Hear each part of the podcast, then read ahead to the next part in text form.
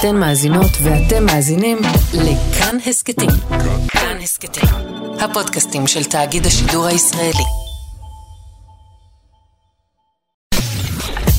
אתן מאזינות ואתם מאזינים לכאן הסכתים.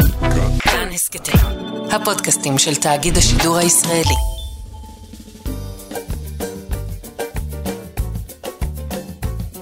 שישים החדש, עם איציק יושע. לחיות בגיל השלישי.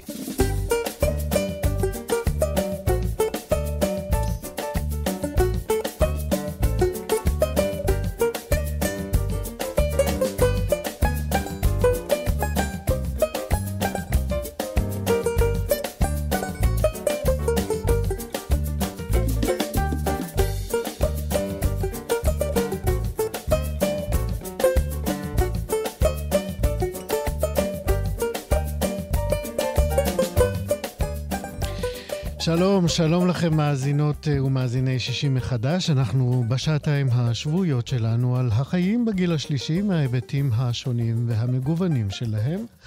עוד מעט אה, נדבר כאן אה, על אישה יפה כמוך, העיתונאית הוותיקה עמליה ארגמן ברנע עם ספר חדש, וגם אמנון רובינשטיין, השר לשעבר, המשפטן הדגול, האיש הציבור הידוע, כבר בן 90 וכתב ספר. ספרו החדש נקרא מתו שלח.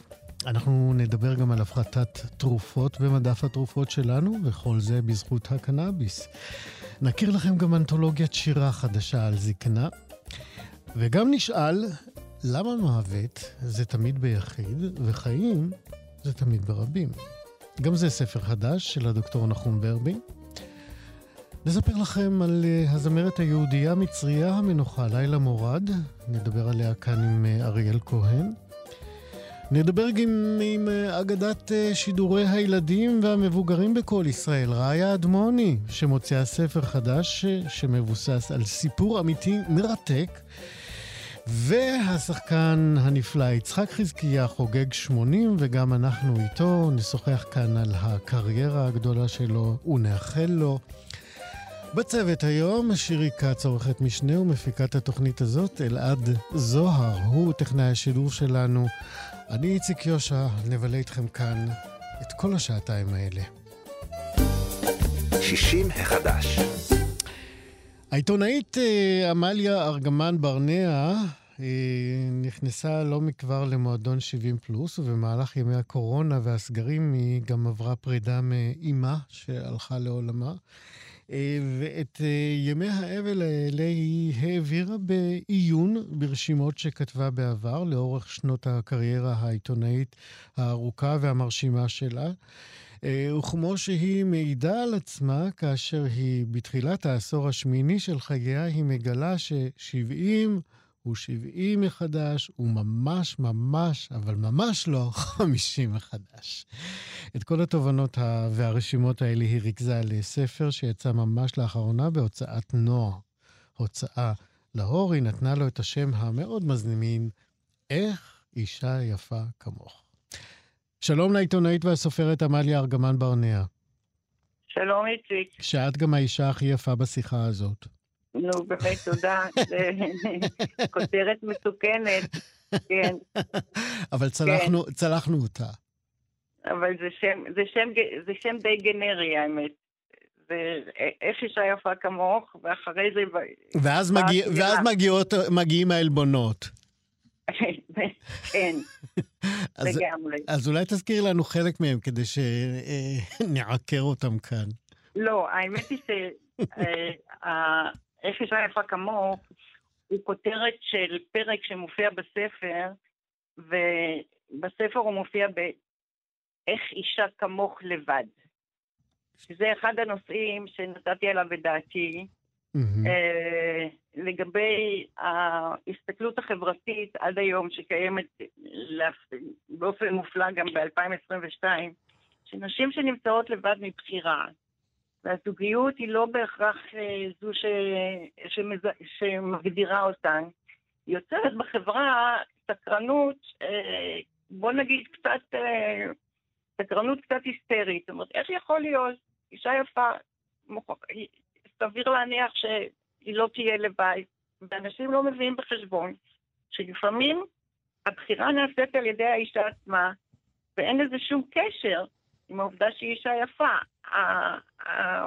הקהל עדיין חושב שנשים, שנשים יפות זה, זה סטטוס שמציב אותם כאילו על, כאילו על מדף, שהן נמצאות, נמצאות על מדף, ואישה יפה בלי זוגיות נתפסת כמו החמצה. נכון? Mm-hmm. זה תמיד יעורר ניחושים ולחשושים. וגם החברה הליברלית והפתוחה שלנו והמודרנית, הם לא תמיד קונים את זה שנשים מוותרות על זוגיות מרצונן. שהן בוחרות בחיים שלפנטזיות ולחלומות שלהם יש רק שותף אחד, וזה הן עצמן. אז זה הפרק הראשון שמופיע בספר, והוא בעצם מהות השם. Mm-hmm. מהות שם הספר כולו. את יכולה לתת לנו אה, ממש אה, אירועים או אמירות או מפגשים עם אה, אנשים באמת שעוררו בך באמת, אה, אני לא רוצה להגיד זעם, אבל התקוממות אה, מול האמירה הזאת. מה, ממש אמירות שאמרו לך? תראה, זה דווקא לא סיפור על עצמי, איציק, זה למרות, ש... למרות שהחמאת לי בתחילת השיחה, אבל אני מביאה פה סיפור על, אה, אני מביאה סיפור אמיתי על uh, מגישת טלוויזיה מאוד מפורסמת, mm-hmm.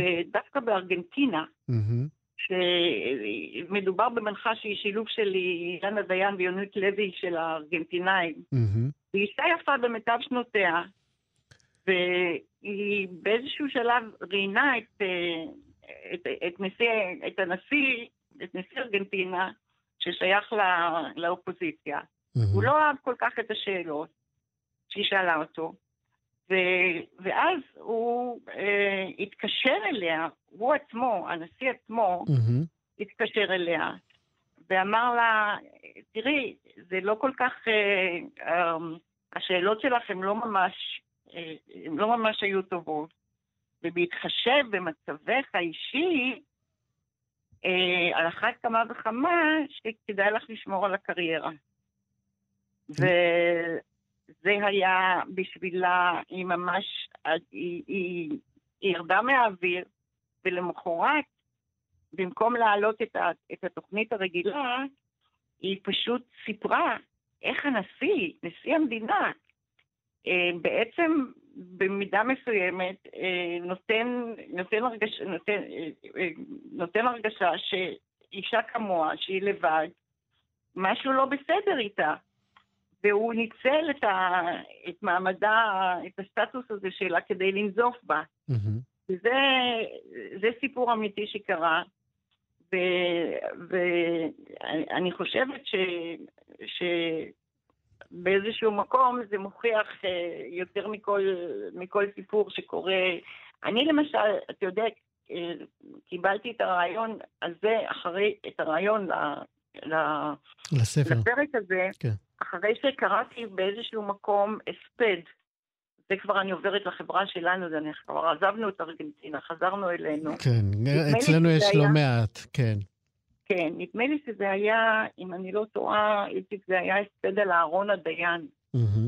שהייתה אה, אשתו של אסי דיין. אשתו הראשונה של אסי דיין. כן. וכתבו עליה גדולות ונצורות, והמשפט כמובן היה, למרות יופייה הרב, היא, חי, היא חייתה לבדה.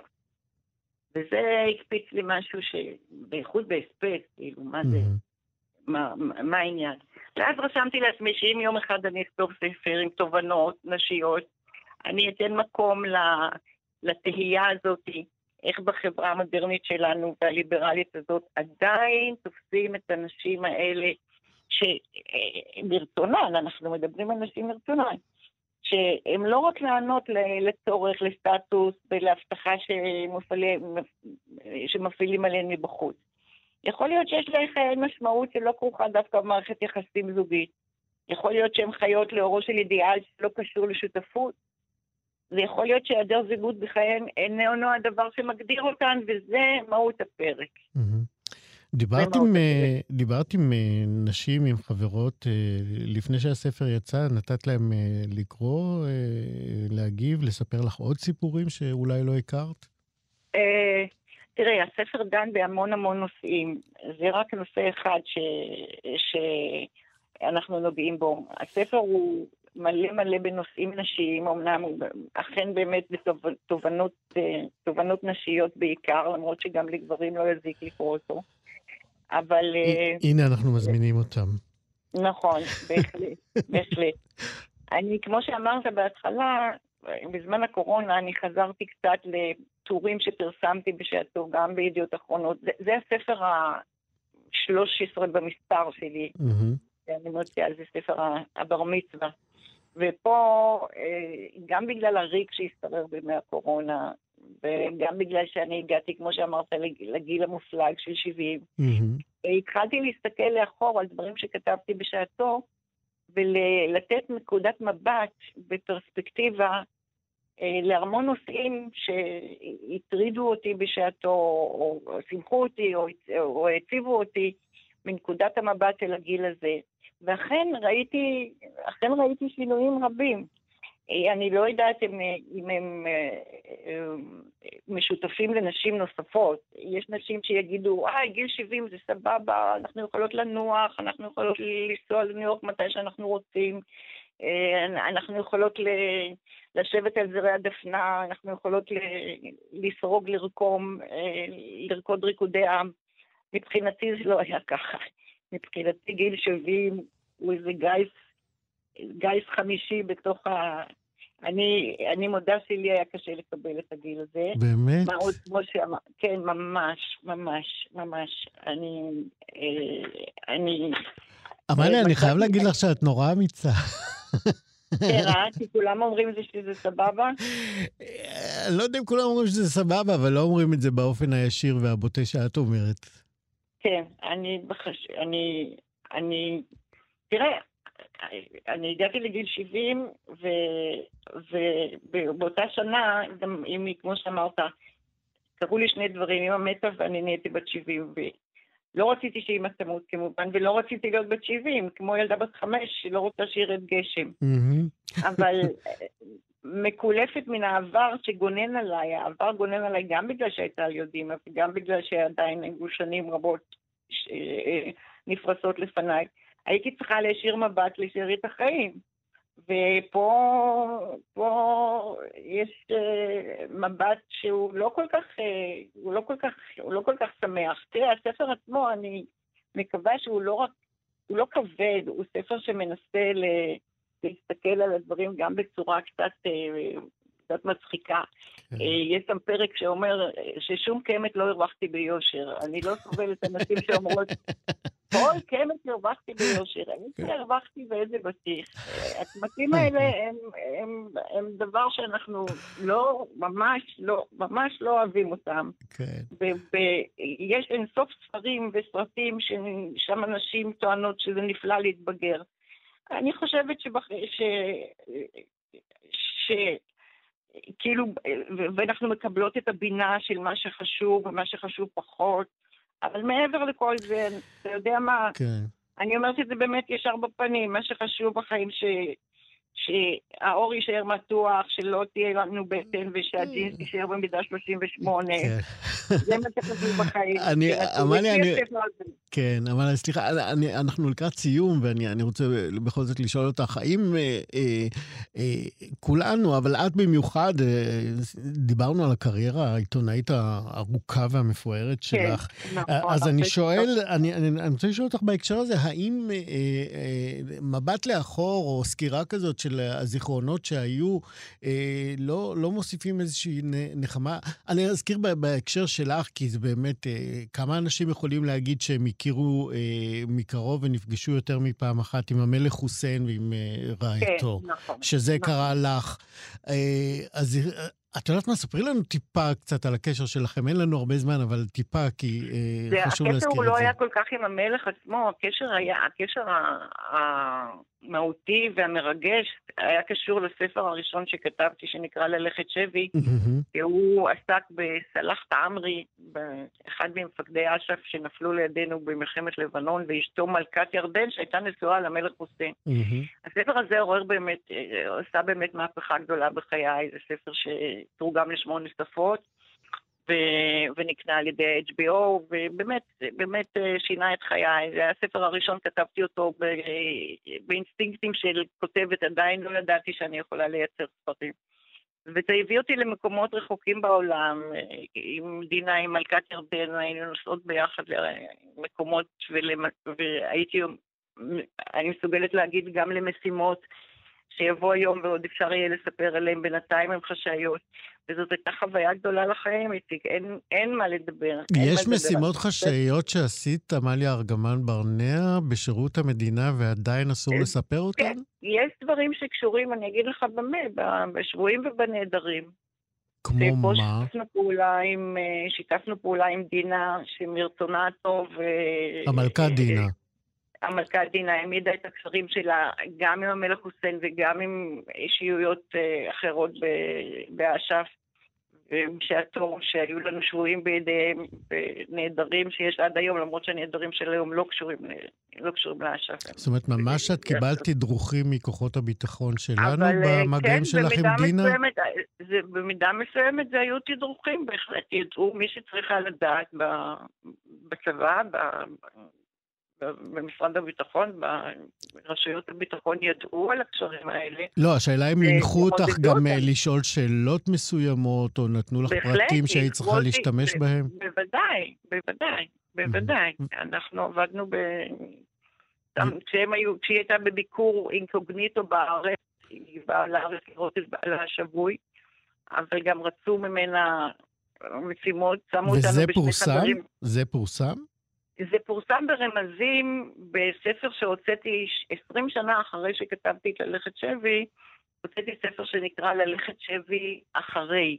Mm-hmm. וסיפרתי 20, מה קרה במשך 20 השנה הבאות אחרי, ש... אחרי ההיכרות איתם ולאן החיים לקחו כל אחד ואחד. אז למשל סיפרתי שכשהיא באה לארץ לביקור חשאי לפגוש את בעלה והפגישו אותה איתו בבית מלון, אז בחדר שליד היה קיר שהוא מראה. Mm-hmm. ואנחנו ישבנו בצד השני והסתכלנו וראינו מה קורה. אה, כשאת אומרת אנחנו זה... כן, כשאת אומרת אנחנו זה את ומי עוד ישבו מעבר למראה? קודם כל, השותף שלי לספר, שזה הרלה ברנע, בעלי לשעבר. לשעבר, כן. כן. וחבר'ה מהיחידה שהתעסקה עם הנושאים האלה בצבא. כן, בהחלט. בהחלט כן. בהחלט כן. עמליה ארגמן ברנע. כן, כן תמיד כיף לדבר איתך. אה, אנחנו מאחלים לך ולספר החדש שלך אה, אה, הצלחה מאוד גדולה. איך אישה יפה כמוך, זה שם הספר שלך. המון כן. הצלחה, עמליה ארגמן ברנע, ותהני מהזקנה שלך, יהיה לך כיף. תודה רבה. להתראות. תודה, זה הנכדים, יש. ביי ביי. 60 החדש. פרופסור אמנון אה, רובינשטיין, בן 90, מי שהיה שר אה, בממשלות ישראל, אה, מנחה טלוויזיה, כן, בתחילת דרכה של הטלוויזיה הישראלית, ומבכירי המשפטנים בישראל, גם היה אחד מהאנשים הבודדים בעולם שזכה לשמוע על מותו, שלא היה תודה לאל. Uh, בספר חדש שלו, שנקרא מתושלח, הוא מספר על uh, הגיבור שנוטל uh, תכשירים ותרופות מעכבי הזדקנות, עד שהוא נקלע למשבר, הוא מפסיק את נטילת התרופות, ובגיל 200, הוא מגיע לגיל 200, כי הוא לקח תרופות כאמור, בגיל 200 הוא נאלץ לעמוד מול פניה הסופיים של הזקנה. אה, כאשר אחת מהשיניים שלו פשוט אה, נושרת אל תוך הכיור כשהוא רוכן מעליו. איזה רגע עצוב. הגיבור הזה בעצם אה, נאלץ להתמודד, כמו שאמרנו, עם הסופיות של הקיום האנושי. מתושלח, רק נאמר לכם, יוצא בהוצאת כנרת זמורה. ועכשיו אני אומר שלום לפרופסור אמנון רובינשטיין. שלום לך. בוקר טוב ושלום. קודם כל, ברכות על הספר. תודה אה, רבה. ואני אבקש ממך אולי לקחת אותנו באמת אל אה, גיבור הספר, אל הרגע הזה, אה, שבגיל 200 פתאום עובר שינוי דרמטי, ובתוך 48 שעות בעצם חוזר לגיל האמיתי שלו, אם אפשר לומר. כן, זה רגע קשה. קשה לקורא, קשה לכותב. נתחיל בקורא, נתחיל בקורא. כן. תראה, הקורא לא יודע אה, מתי זה יקרה. והאמת היא שזה, ההזדקנות הפתאומית היא בגלל אה, זה שהגיבור לא לקח את התכשירים בזמן. הוא לא לקח את התכשירים בזמן בגלל אה, אה,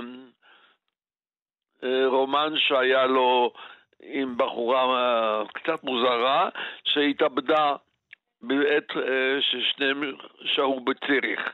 אבל אה, הוא פתאום אה, מבין שאותן תרופות שהוא שיווק אה, עבור החברת מתושלח אה, לא, לא עובדות לנצח. אין חיי נצח. ובזה זה שונה מספרות אה, עתידנית אחרת שמנבאת אה, אה, עולם חדש שבו אין מוות בעצם. זאת אומרת, כן. זה, אני רציתי לכתוב ספר עתידני על עתיד קרוב, ששורשיו בהווה. אני קורא לזה עתיד בר השגה. אה, הקורא את הספר שלי יכול לזהות אה, חלק מהדברים שכבר קיימים. כמו אה, מה למשל? שחושבים עליהם. כמו מה למשל? כמו למשל מטוסים ללא טייסים, ללא צוות, ומודעים על ידי מימן. או כמו צילום תלת-ממדי, או כמו מצלמה שמפעילה רפואה מרחוק בתוך המטוסים. אה, זה האתגר היה, וזה היה קשה לי. מהמם. קשה ל- ל- להגיד איזה התפתחות טכנולוגית תונצח ואיזה תעבור מן העולם. אז זהו, הזכרת באמת אה, את ההתפכחות הזאת של הגיבור, אה, שהיא קשה לכותב וקשה לקורא. אז דיברנו על הקורא. בוא, בוא, בוא נדבר על הקושי של הכותב אה, עם, אותו, עם אותה השלמה, עם אותה התפכחות אה, לגבי סופיותו של האדם. תראה, אני, אה, כמו כל מחבר, אני נכנסתי לתוך העלילה ואימצתי את, את, את תגובותיהם של הגיבורים. וחילקתי את ההתפתחויות הטכנולוגיות לשלוש קטגוריות. מהמם. כאלה שכבר מצויות, או בשלב של כמעט מצויות, כמו מכונית אה, ללא נהג. אה, אה, אה, מטוסים כמעט אה, ללא טייס, יש. יש, ויש גם התפתחויות בקשר למימן כדלק לא מזהם. ויש התפתחויות אה, אה, של מזון לא. מזיק. אה, וטעים כבשר. כן, זה כבר ישנו, נכון, וישראל גם מייצאת את זה. נכון. ובסוף השארתי קטגוריה של דברים שלא נמצאים ושקרוב לוודאי שיימצאו. זה אה, רובוטים מדרגה גבוהה ביותר, אה, פקידת קבלה שמזליפה אה, שמזליפה בושם, מהמם. אה, המשרת האישי של הגיבור, בוב, שמפגין רגשות, זה, זה לא קיים. זה, זה אני משאיר לדמיון הפרוע של הקורא ושלי. כן. אה, במסגרת הכתיבה והיציאה של הספר, אתה גם ככה מסתכל סביבך וגם מוצא את עצמך חולק, למשל, על אה, יובל נוח הררי. אה, איפה אתה חולק עליו? אה, אני חולק על כל האסכולה, הוא מבטא אסכולה שלמה, שהמוח האנושי יוחלף על ידי מוח מחשבי בעל מהירות אה, עצומה, שיהיו בני אדם בינאריים, שהם בעצם אה, יצורים מלאכותיים, מהמם. ושהמוח ניתן להכפלה ו- ולשחזור. אה, אני מאוד מתפעל ממנו. בספר הראשון שלו, על תולדות האנושות, זה ספר בלתי תולדות, רגיל. כן, כן. זה דבר אדיר וגם בצדק קיבל פרסום עולמי, mm-hmm. אבל אני למשל לא יודע אם המדענים שתומכים במה שנקרא מור-לו, שמהירות המחשבים מכפילה את עצמה כל כמה שנים, mm-hmm. אני לא יודע אם הם הביאו בחשבון את התפוקה השולית הפוחתת, שזה אה, בעצם החוק האוניברסלי, גם בכלכלה, mm-hmm. וגם גם, גם בכלכלה, גם בטכנולוגיה וגם בפוליטיקה. ו- ואני לא יודע מה יהיה עם מהירות המחשב כמחליף המוח האנושי. כן. ולבסוף, אני, אה, דרך המדען הראשי של מתושלח, שהוא אדם אומלל מאוד, mm-hmm. אומלל מאוד, אה, אומר, שואל את עצמי כמה שאלות לגבי הבינה המלאכותית. מה זה יעשה לתרבות האנושית? כן. אנחנו נזמין את ה... ואני מזכיר את כל, את כל העולם התרבותי שסובב סביב המוות, וגם הפחד מהמוות. אז זהו, אז אם אנחנו בעניין המוות, באמת, אני אמרתי בפתיח שלי, וזה יהיה ככה לקראת סיום, שאתה באמת בין היחידים אה, בעולם שזכו לשמוע על מותם, אה, ו... ולהגיד, לא, אני חי. אתה יכול לספר למאזינים שלנו שאולי לא זוכרים אה, את האירוע הזה שבו יושב ראש הכנסת מודיע על מותך. זה סיפור uh, באמת מההפטרה. אדם שאני לא הכרתי אותו, דו-מיני, זלמן שושי, הוא היה טרנס. זלמן שושי, כן. שלא ראיתי אותו אפילו, mm-hmm. טלפן למזכירות הכנסת והודיע על מותי. Mm-hmm. ויושב ראש הכנסת לא וידא, לא שאל באיזה בית חולים הוא מת, הוא מת בבית. היושב ראש היה אז אברומבורג. כן. אז אה, אני רואה את כל הדבר הזה כבדיחה. רגע, רגע, אבל איך, איך הודיעו לך? שלו, ספר לנו, איפה אתה לא, היית באותו לא זמן? לא, לא הודיעו לי. איפה היית באותו קמתי, זמן? אני הייתי חולה. אוקיי. ובבוקר קמתי והרופא בישר לי שהכנסת עמדה דום לזכרי... כן. הרופא בהדסה, בירושלים. איך הגבת? הגבתי בטלפון, אה, ראשית ניחמתי את בורג, שזה לא כל כך נורא, כל אה, העולם מלא טעויות, ושנית טלפנתי לאשתי שאני חי. אה, הזכרת גם את אשתך, אתה באמת גם מקדיש לה את הספר הזה, אשתך כן. רוני. כן. הפרופסור אמנון רובינשטיין, יכולנו להמשיך לדבר, אבל זמננו התקצר, כמו שאתה יודע. כן. נברך אותך שוב על הספר מתושלח, ונברך אותך עד 120. תודה רבה לך. תודה, תודה רבה לך, גם לך. 60 החדש. אה, עם עליית הגיל, ובעיקר אה, בגיל השלישי, אה, על מדף התרופות שלנו כאנשים זקנים, הולכות ונערמות אריזות, ובהן תרופות מתרופות שונות. מה לעשות? ריבוי תרופות זה מסימני הזמן שלנו בגיל המבוגר יותר. אה, בהקשר הזה נאמר לכם שלא מכבר התקיים אה, כנס רוקחות של אה, הסתדרות הרוקחים לשנת 2022, ובמהלכו הוצג מחקר חדש על קנאביס. המחקר מצביע בין היתר על אה, דרכים אה, להפחתת אה, ערימות התרופות האלה על המדפים. ליהי בר-לב שליידר היא חוקרת ותיקה בארגון תיקון עולם, והיא גם תדבר איתנו על המחקר הזה, שבדק בעצם את בטיחותו ויעילותו של הקנאביס ועל השימוש בו להפחתת התרופות האלה. שלום ליהי. שלום וברכה. אז ספרי לנו קודם כל, מה, מה, מה כותרת המחקר מבחינתך?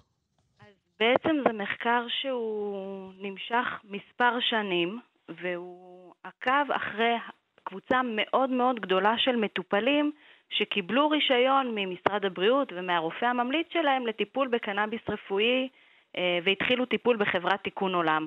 ואנחנו, אה, אה, גם כדי לדעת ללוות אותם ולהמליץ להם על הטיפול הנכון וגם כדי להעריך את ההשפעה של הטיפול גם מבחינת יעילות וגם מבחינת תופעות לוואי, עקבנו אחרי כל המטופלים, בעצם משנת 2015 יש לנו בתיקון עולם צוות של אחים ואחיות שבעצם מדריכים ומלווים את המטופלים. ותוך כדי המעקב הזה, בגלל ש...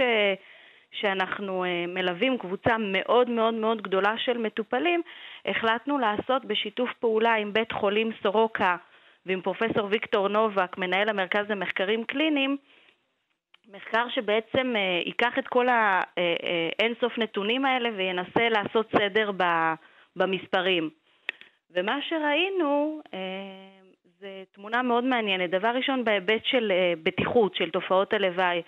ראינו דיווחים אה, על תופעות לוואי כמו סחרחורות, כמו יובש בפה, כמו תיאבון מוגבר, כמו תחושה פסיכואקטיבית, אה, תופעות לוואי שלא מפתיעות אה, אה, יותר מדי את מי שמכיר את הטיפול בקנאביס רפואי, שזה להבדיל אה, מתופעות לוואי מקובלות בעולם הפארמה, זה תופעות לוואי גם באחוזים יחסית נמוכים וגם תופעות לוואי שיחסית קל להתמודד איתן.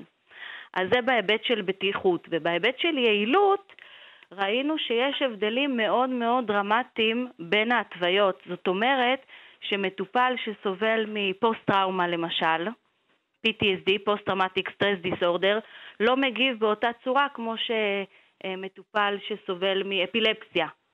אה, לשם ההשוואה, לא מבחינת הטיפול שהוא מקבל, המוצר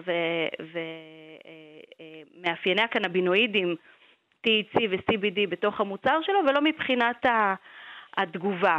בעצם ההתוויה שהכי השתפרה, שאנחנו ראינו שהכי השתפרה היא באמת PTSD, והזן שהכי השפיע גם בהיבט של כאב וגם בהיבט של פוסט-טראומה היה זן שנקרא אלסקה, זן של תיקון עולם. אז עשינו המון המון המון ניתוחים על, ה, על ההשפעות של הטיפול, אבל הניתוח אולי הכי מעניין, וזה גם כן, מה שציינת, כן. זה הירידה בתרופות. כן, טוב. אנחנו, אה, אני רק אגיד שאנחנו כבר הבנו את, את עניין תיקון עולם. בואי נדבר רגע על המחקר אה, אה, עצמו. אה, דיברנו על כך שבעצם אה, אנחנו מדברים על הפחתת תרופות, אנחנו לא כל כך אוהבים את הרעיון הזה שהמדפים שלנו הולכים אה, ומתמלאים בתרופות, כי לא נכון. פעם הם אה, גם, יש איזו סתירה בין תרופה אחת לתרופה אחרת, ולא תמיד עושים בהן סדר. דיברנו על זה גם בתוכנית הזאת. אה, לא פעם אחת. במסגרת המחקר הזה אתם גיליתם שאנשים באופן, אה, אני לא יודע אם טבעי או שייך למחקר, אה, אה, דיווחו בעצם על הפחתת תרופות ש, שבאה בעקבות השימושים בקנאביס. נכון. אנחנו, והנתון שאתם מפרסמים הוא מאוד דרמטי. אתם מדברים על ירידה של 52 אחוזים, זה יותר ממחצית מספר התרופות. אז חברות התרופות בטח שונאות אתכם נורא, אבל בואי תספרי לנו... אנחנו לה... פה בשביל המטופלים, לא כן, לא בשביל חברות כן. התרופות. אה, ספרי לנו באמת, אה, איזה תרופות באמת אנשים הצליחו אה, לסלק מהמדף שלהם. בטח, אז אני אתחיל מלהגיד שירידה בצריכת תרופות אף פעם לא הייתה מטרה טיפולית. כן. אף אחד לא מקבל רישיון כדי להפסיק תרופות, מקבלים את הרישיון בשביל להפחית בסימפטומים, אבל יד ביד עם ההפחתה בסימפטומים, הרבה פעמים כמובן בייעוץ עם הרופא המטפל, מה שראינו זה שהרבה מאוד מטופלים הפחיתו תרופות, בעצם משפחת התרופות שהכי ירדה לאורך הטיפול היא משפחת האופיואידים, שאנחנו כולנו ערים למה שקורה במגפת ההתמכרות לאופיואידים אה, בארצות הברית והנזקים של אה, תופעות הלוואי, אז אנחנו ראינו במחקר שכמעט 40% מהמטופלים שלקחו אופיואידים לפני תחילת הטיפול בקנאביס... רק תעצרי ותסבירי לי מאזיננו אופיואידים מה הם. תרופות אה, משככי כאבים ממשפחה אה, אה, שהם בעצם תרופות, משככי כאבים מאוד מאוד חזקים, שנטילתן לאורך זמן בצורה כרונית יכולה הרבה פעמים גם להיות מלווה בתופעות לוואי וגם אצל מטופלים מסוימים לגרום להתמכרות. אז 40% מהמטופלים שהפסיקו לחלוטין לקחת אה, אופיואידים ועוד 13% שהפחיתו את המינון, זה היה משהו מאוד מעודד. וחוץ מאופיואידים, ראינו גם ירידה באנטי דפרסנטים, את, את תרופות אה, נוגעות דיכאון ו, ותרופות אחרות אה, נוגדות כאב, תרופות הרגעה שמשתמשים בהן לשינה. וכמו שהתחלתי להגיד, זה אף פעם לא הייתה מטרת הטיפול, אבל אנחנו בתור אה, אה, חברה שעוקבת אחרי המטופלים ומתעדת את השינוי, ראינו את הדבר הזה שהצטבר לכאלה, כן, לכזאת ירידה דרמטית. אלה דברים שקורים במחקרים. אם אני זוכר נכון, אפילו יש איזו תרופה שמשמשת לגמילה מעישון, שהייתה בעצם תרופה פסיכיאטרית במקור. וכשגילו שכשנותנים אותה לחולים פסיכיאטריים, הם גם נגמלים, מפסיקים לעשן, אז כך יצרו ממנה תרופה להפסקת עישון. אז כן, על הדרך אנחנו לפעמים מגלים דברים שאנחנו לא התכוונו. פעולות נוספות. כן. עבודת המחקר הזאת היא בעצם עבודת הדוקטור שלך, נכון? זה המחקר האחרון במסגרת עבודת הדוקטורט שלי בהנחייתו של פרופסור ויקטור נובק מהמרכז לניסויים קליניים, כן. טוב, אנחנו אה, מקווים באמת שיותר ויותר אנשים אה, יסבלו פחות ויצרכו פחות תרופות. זה לא ממש כיף לקחת ערימות של תרופות, והנה, זה יכול לקרות גם אה, בעזרת קנאביס. ליהי בר-לב שליידר, תודה רבה שדיברת איתנו. תודה רבה. 60 החדש. אני אקרא לכם עכשיו הודעת מייל שקיבלתי, והיא נפתחת כך. כשהייתי בת 21, נפטרה אמי מסרטן והיא בת 58 בלבד. אז חשבתי שהייתה זקנה והגיע זמנה ללכת. כיום, כשאני בת 50 ואימא לבנים צעירים יחסית, אני מבינה כמה צעירה היא הייתה. לימים התמקצעתי בטיפול במגע ובתנועה ונהניתי לעבוד עם אוכלוסיית הגיל השלישי. לאחר מכן הגעתי כרכזת תעסוקה ופנאי למחלקות, למחלקות סיעודיות, ובחרתי לחלוק רגעי שמחה והנאה עם אנשים שבתחושתם האישית הגיעו לסוף הדרך. להסב אושר ונחת לאנשים בגילים כאלה ובמצבים שלפעמים נדמים כבלתי אפשריים, זו זכות גדולה בעיניי. מאחר שאני משוררת וכתבתי בספריי על הקושי להיפרד מהוריי שנפטרו בגילים צעירים יחסית, החלטתי ליצור אסופת שירה בנושא הזקנה. ביקשתי לחשוף בפני אנשים את רגעי התקווה, החסד, הכאב והקושי, וגם את ההתמודדות הבלתי נמנעת עם המוות הקרב לבוא. הכותבת של ההודעה הזאת היא חגית אה, זוהרה מנדרובסקי, שעמלה וטרחה על הוצאת אה, סיפור מסע של אסופת שירה בנושא הזקנה, ונתנה לה את השם חורפו של אביו. האסופה יצאה בהוצאת דרור לנפש, ובין המשוררים באסופה הזאת אפשר למצוא את אה, שיריהם של נורית זרחי, נידה חורי, אגי משעול, שלומי חתוקה, אמיר הס ועוד משוררים אה, מצוינים כאלה, כמו אלה, וחגית היא האורחת שלנו עכשיו. שלום חגית. שלום וברכה. קודם כל ברכות על היוזמה וגם על הביצוע. תודה אה, רבה. איך, איך באמת בחרת את השירים? אה, אלה שירים שהכרת קודם? אלה שירים שחיפשת? אמ, האמת שאני חיפשתי. חיפשתי לא מעט וגם מצאתי הרבה מאוד, אה, כפי שאפשר להבין. ובעצם אה, במהלך האיסוף של השירים התווספו עוד ועוד. זה משהו שעבר בעצם מפה לאוזן.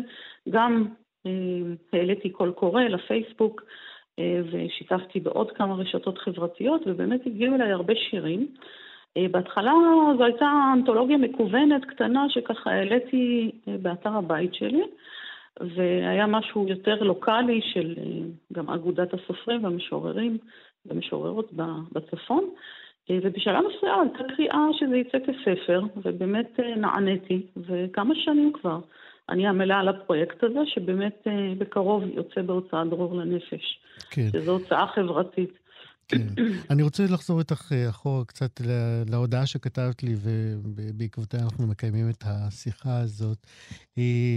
איך באמת אה, אה, ההבנה הזאת, השינוי בתפיסת הגיל אה, אה, קרתה אצלך?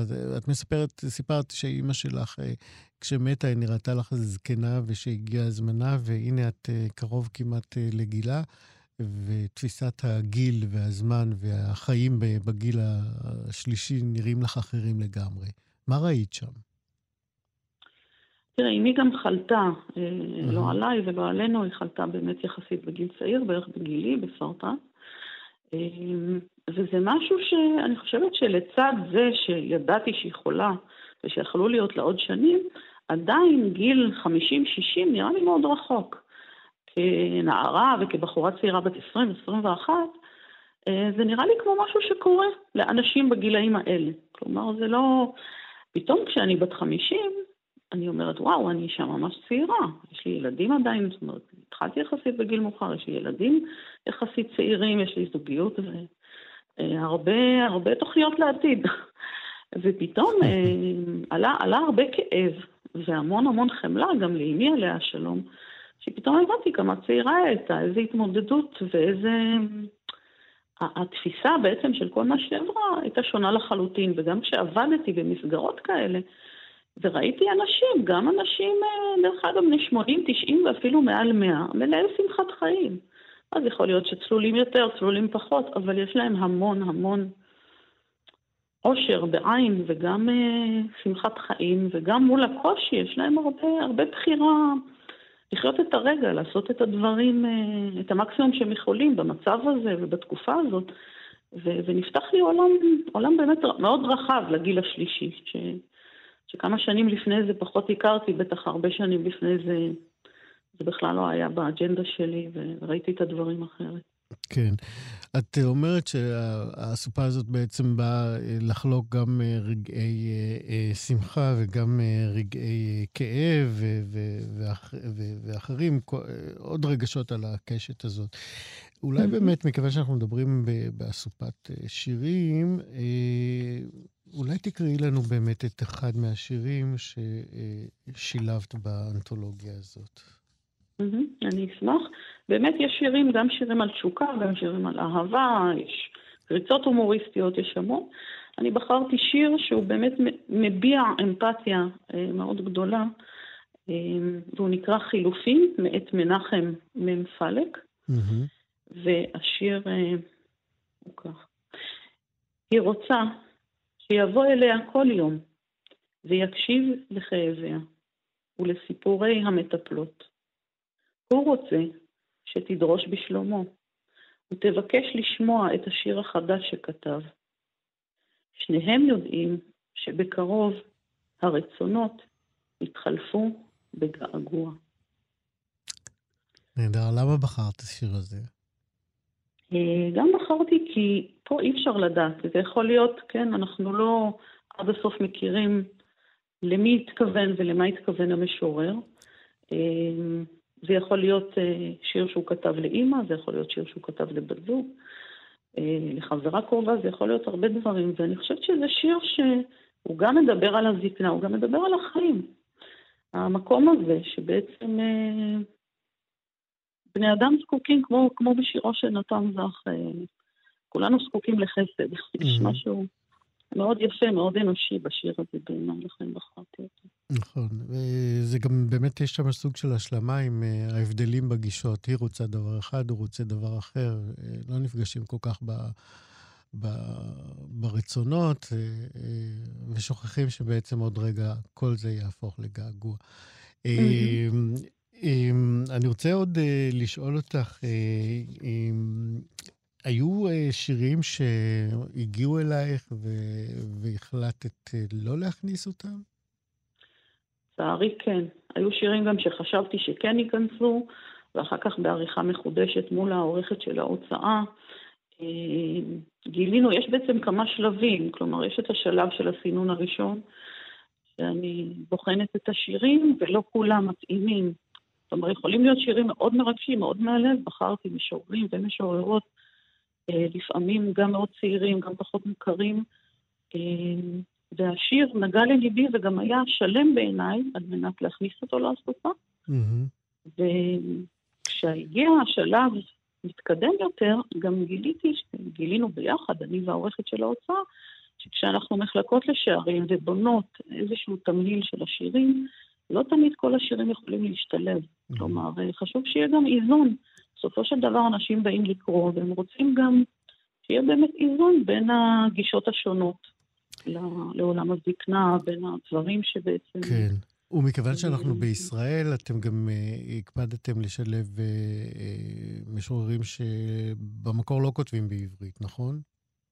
נכון. אני, לי היה מאוד מאוד חשוב uh, לפנות ולהגיע גם לקהילות מהמגזר הדרוזי. Uh, יצא כך שבאמת מישהי אפילו מהקהילה הבהאית שמעה וכתבה שיר, שבאמת uh, קיבלתי עזרה, גם uh, יש משוררים ומשוררות מוסלמים, נוצרים, יש גם קשת רחבה של העולם היהודי, מחרדים ועד אה, אנשים חילוניים וכל מה שביניהם, אה, מרקעים וממוצאות שונים. ובאמת היה לי מאוד מאוד חשוב אה, גם באמת שישמעו הרבה קולות, שנשמע הרבה סיפורים, שאנשים יוכלו לקרוא כל מיני סיפורים גם בפרק דורות של סבא וסבתא מכל מיני ארצות ושורשים ומקומות, וגם באמת קיבלתי הרבה עזרה אה, בתרגום, שחלק מהמשוררים והמשוררות יכלו לתרגם לעצמם את השירים, חלק יכלו לכתוב גם בעברית, וחלק באמת עזרו לי אה, לתרגם לעברית, שזה יוצר אושר, זה יוצר הרבה מאוד כן. גיוון, וגם גם את המקום האינטימי הזה, שהזקנה בסופו של דבר היא פרק בחיי כולנו. כן. את למדת משהו אה, אחר על יחס לזקנה ולזקנים בשירים המתורגמים שהגיעו אלייך?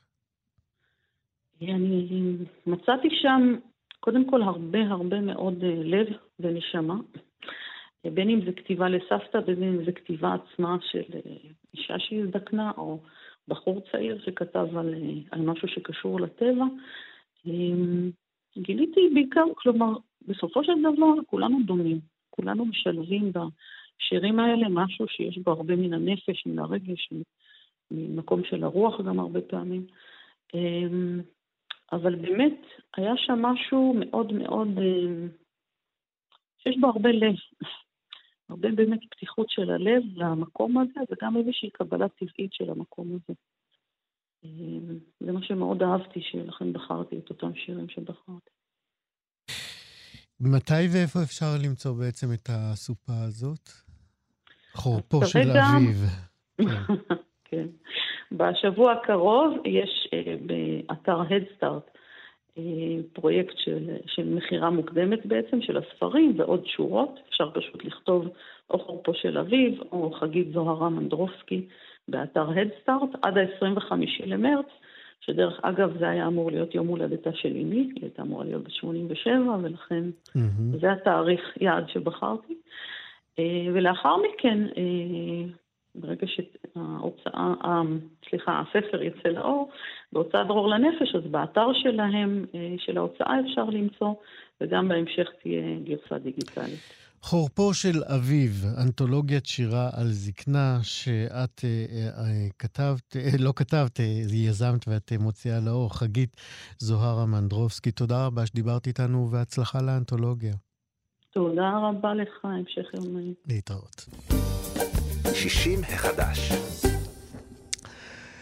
למות, למה המוות, למה מוות זה תמיד ביחיד וחיים ברבים. זהו שמו של אה, ספר חדש שכתב הדוקטור נחום ורבין, אה, שם שבהחלט אה, מזמין לשיחה ולקריאה, כי המשך המשפט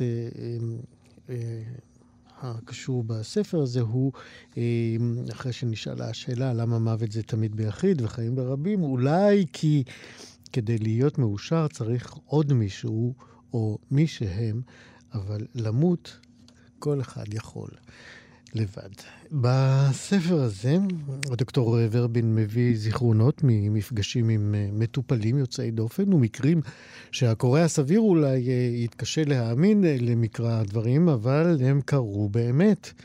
והסיפורים האלה משולבים במסות קצרות ובמאמרים מעולם ה...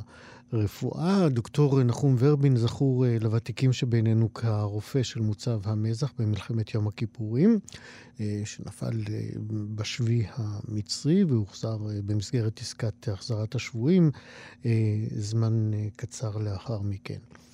הבלוג שהוא כתב על השתתפותו במלחמת יום הכיפורים והשבי במצרים, האופציה של הדוקטור, כך קראו לבלוג, עלה לרשת בשנת 2013.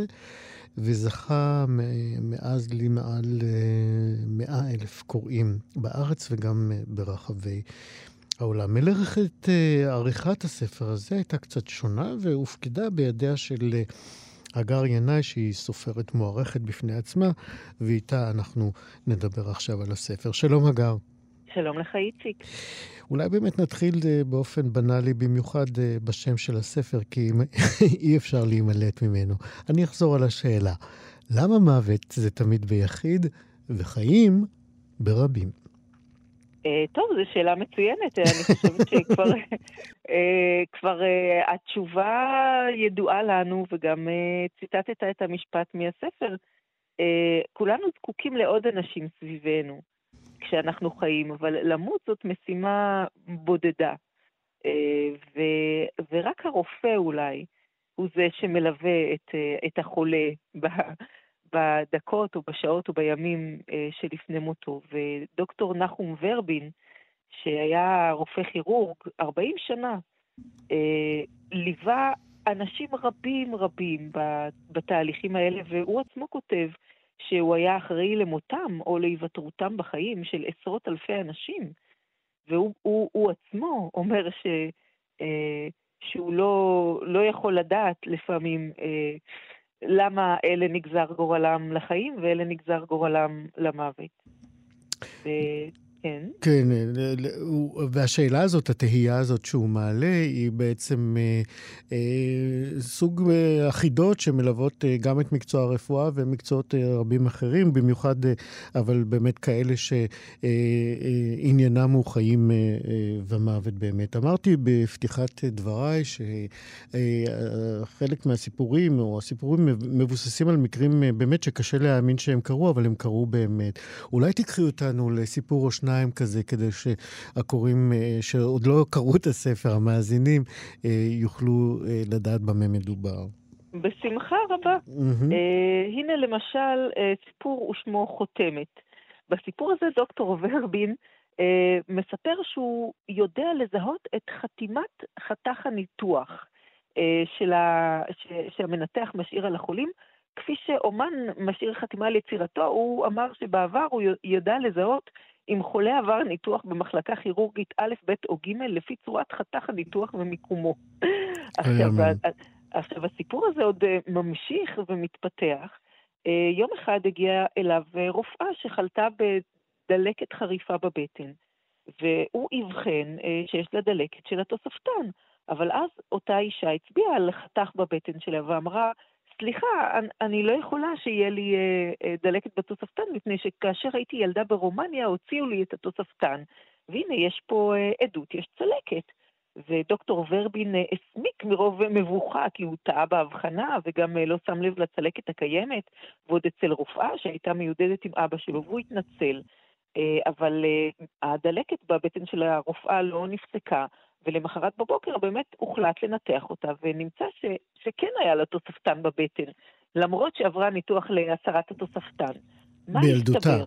כן, כן. כן. עכשיו, מה הסתבר? שהיה, שלפני הכיבוש הנאצי ברומניה, אה, עם פרוץ מלחמת העולם השנייה, אנשים עמידים ביצעו אה, ניתוחים מונעים של כריתת תוספתן, כי חשבו שתהיה מלחמה, ואז לא יהיה מי שיעשה את כריתת התוספתן.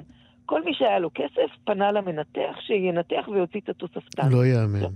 הוריה של, של אותה אישה, שהייתה ילדה, פנו ועשו לה ניתוח כריתת תוספתן מונעת. אבל מה מסתבר?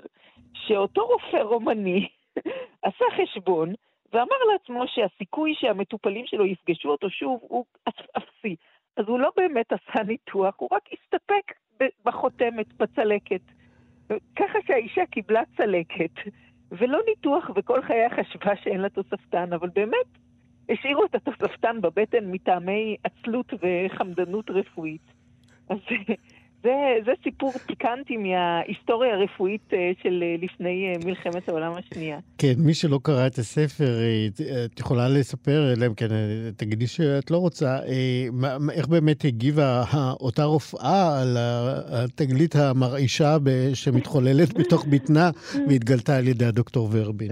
זה לא, דוק, דוקטור ורבין לא, לא פירט את ה...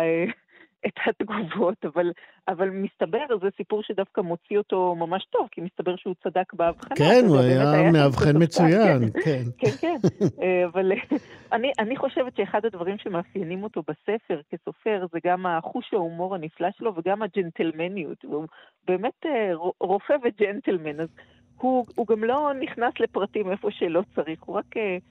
לא, גם היושר הזה להודות בטעות, שבדיעבד התבררה כלא טעות, אבל uh, הוא היה מספיק uh, הגון uh, כדי לסגת לאחור מול uh, עדות כל כך חותכת של הפציינטית.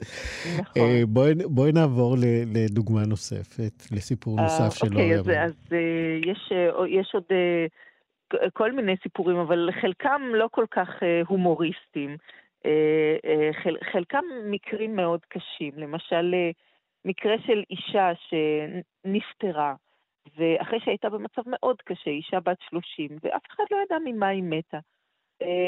חוץ מזה שהיה סביבה תמיד נדף ריח רע כאשר היא הייתה בחיים, ודוקטור ורבין נקרא לעשות לה נתיחה שלאחר המוות. הוציאו את כל האיברים שלה, ולא מצאו שום סיבה מוגדרת. אה, למה מתה. לא, הכל היה תקין, לא הייתה שום מחלה, לא היה סרטן, לא היה שום דבר. ו, אה, והניתוח יצא תקין, ו, ורק אחרי הניתוח אה, נזכרו שאותה אישה סיפרה שבעלה היה חובש, חובש צבאי, ו, והיא דיווחה שהיה מזריק לה כל מיני תרופות לשיפור הפריון ועידוד החשק המיני וכולי וכולי. ו, ו, והיה מזריק לה פעמים רבות. באו לביתה ומצאו מזריקים מלאים עם, אה, בשרידים של נפט. מסתבר שאותו בעל אוהב לכאורה... אנחנו מכירים אותו, אה, מי שעבד בעיתון חדשות אפילו הכיר אותו אישית. נכון. וזה אני. אז, אז, אז אתה מכיר את הסיפור המחריד הזה. סיפור מזעזע, בהחלט. ש, שאותו בעל שלכאורה טיפל באשתו ועשה לה טיפול כן, של... כן. מין... שמגיע לנשים סוררות, לנשים כן. מורדות. כן, הוא היה מין, מין מינכאוזן כזה, כן. כן, אז, אז יש, יש סיפורים אה, לכאן ולכאן בספר, ויש גם את, ה, את האפשרות אני חושב, המאוד אה, משעשעת וההומוריסטית אה, לראות את הפציינטים דרך עיניו של הרופא. בסיפור בשם מפגשים מהסוג הרפואי, תמיד אנחנו, הרי בדרך כלל אנחנו חולים, נכון? אנחנו לא רופאים. אבל פה אנחנו נכנסים אה, לא לאיך חולה רואה את הרופא, אלא להפך, לאיך רופא רואה את החולה. אז הוא כן. מקטלג את החולים לפי, אה, לפי איך שהוא תופס אותם. אז יש את החולים האסרטיביים שהכינו נאום בבית וכבר מוכנים להגיד לרופא מה לא בסדר איתם ובמה הם חולים. יש את החולים הביישניים שמחכים שהרופא ייזום את השיחה. יש את משפחת המטופל שלפעמים מגיעה בהרכב מלא או חלקי ותומכת בה, מסבירה בדיוק את מה שהמטופל אומר ולא נותנת לו מקום להוציא מילה. ו... ו- וכל מיני אה, כן. מקרים של משפחות, של מטופלים, שהוא כן. מסווג, מקטלג אותם. אגר, אנחנו נצטרך לסיים עוד מעט, אני בכל זאת, אה, שאלה לסיום. אה, את יודעת, הסיפור אה, של דוקטור ורבי נפתח בעצם ב-1938 בתיאור של אביו, וממשיך אחר כך לאורך ההיסטוריה של המדינה, אפשר לומר. עד כמה באמת כשערכת את הספר הרגשת או חשבת שאת עורכת טקסט היסטורי בעצם? והספר הזה הוא ממואר בעצם, mm-hmm. זה ספר זיכרונות, mm-hmm. אבל הזיכרונות הם לא על כל חייו של אה, דוקטור ורבין, אבל אלא... משולבים באירועים כן, מחיי המדינה. כן, משולבים באירועים, כן. ובהחלט אפשר לראות פה שיקוף של, אה, גם של אירועים מחיי המדינה, כמו שסיפרנו על אותו פרשה נוראה של הזרקת נפט, וגם שיקוף של תפיסות היסטוריות שהיו ושחלפו, ושדוקטור ורבין, בגלל שיש לו כזה ותק של התבוננות, אז הוא יכול להגיד איך אה, השתנה למשל מקומו של הרופא, אה, איך משליח האלוהים הוא הפך לסוג של טכנאי, שאנשים באים ומסתכלים עליו ואומרים, אה, זה לא מתאים לנו, אנחנו נלך לטכנאי אחר. ו- ובאמת יש פה איזשהו שיקוף היסטורי מרתק של אה, דמותו של החולה, מערכת היחסים בין רופא וחולה.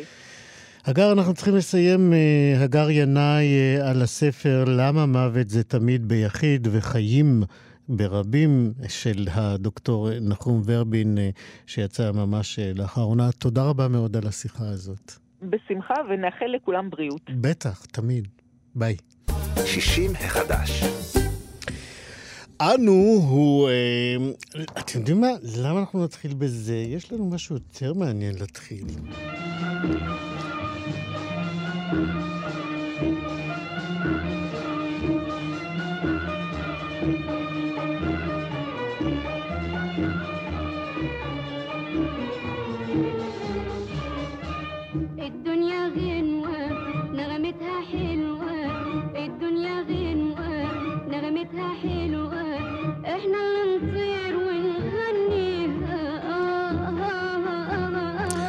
עכשיו אני אגיד מה שרציתי להגיד. רציתי להגיד שאנו זה מה שהיה פעם בית התפוצות, ונקרא בשנים האחרונות אה, בשם המלא אנו, מוזיאון העם היהודי, ובשבוע הקרוב תיפתח שם סדרה חדשה שנקראת אה, בארץ הנילוס, מבטים על יהודי אה, מצרים. עורכת הסדרה הזאת היא רבקה אדרת, ואחד המפגשים מוקדש, יוקדש לזמרת המצרייה. לילה מורד זו הזמרת שאנחנו שומעים. אה, שמה המקורי של אה, לילה מורד הוא ליליאן מרדכי, בעצם זמרת ושחקנית קולנוע מאוד נודעת אז אה, במצרים ובכל העולם הערבי. היא גם זכתה לכינוי הגיטרה של המוסיקה הערבית. אמ, אריאל כהן הוא המנהל המוסיקלי של תזמורת פירקת אל-נור, והוא יספר לנו על אה, יצירתה ועל סיפור חייה יוצא הדופן של אה, לילה מורד. שלום אריאל כהן. שלום יוש. מה נשמע? ברוך השם, מעולה, טוב לשמוע אותך. טוב, גם אותך. אז אה, בוא נתחיל פשוט בהתחלה. מי זאת לילה מורד בעצם? לילה מורד, אה, או כמו שתיארת אותה בשמה המלא, ליליאן מרדכי, היא בעצם אה, הכוכבת הגדולה של סרטי הקולנוע המצריים בפרט והערביים בכלל. ומי אה, שחי פה בשנות ה-60 בימי שישי לא יכול היה שלא לראות אותה, לשמוע אותה, להכיר אותה. בדיוק. מאז uh, הפריצה הגדולה שלה בסרט שמוחמד עבד אל-והאב, המלחין של המוזיקה המצרית, ליהק אותה לסרט שלו שנקרא יחיא אל-חוב uh, בשנת uh, 1938, uh, היא בעצם uh, כיכבה שם ופרצה ו- והגיעה ל- ל- לכל מסך קולנוע בעולם הערבי, ומשם פשוט uh, ליהקו אותה לכל כך הרבה סרטים שכבר היא הכוכבת הראשית. היא עשתה 28 סרטים בקריירה יחסית לא ארוכה. וזה סרטים שהיו מלאים במוזיקה ובמשחק, בשונה משחקנים ושחק... מזמרים וזמרות אחרות, כמו אומו כולסום, או פריד אל-אטרש, או עבד אל-והאב בעצמו, היא הייתה גם שחקנית ולא רק זמרת כל כך טובה. Mm-hmm. הייתה שחקנית מעולה, ולעיתים כל כך גדולים של העולם הערבי הם בעצם uh, שיריה של לילה מורד. אז בואו נלך עוד טיפה אחורה. כאילו, איפה היא נולדה? איפה היא גדלה? באיזה מין אה, בית היא, היא, היא צמחה בעצם? לילה מורד אה, נולדה באלכסנדריה, בבית אה, משפחה יהודית, אביה היה גם חזן בית כנסת וגם זמר, זקי מורד. אה, לא מזמן, אה, לפני, ממש קצת לפני הקורונה, ביקרתי במצרים, בבית הכנסת הגדול, אליהו הנביא באלכסנדריה, ולהפתעתי אני נכנס ואני רואה מצד שמאל תמונה ענקית של לילה מורד ושל טוגו מזרחי ושל זקי מורד, אבא שלה. זאת אומרת, שאלתי שם את, אה, את, את האחראי, אמרתי לו, מה זה התמונות האלה? הוא אומר לי, זה הדמויות הכי גדולות היהודים של אלכסנדריה, אז אנחנו תולים את זה פה.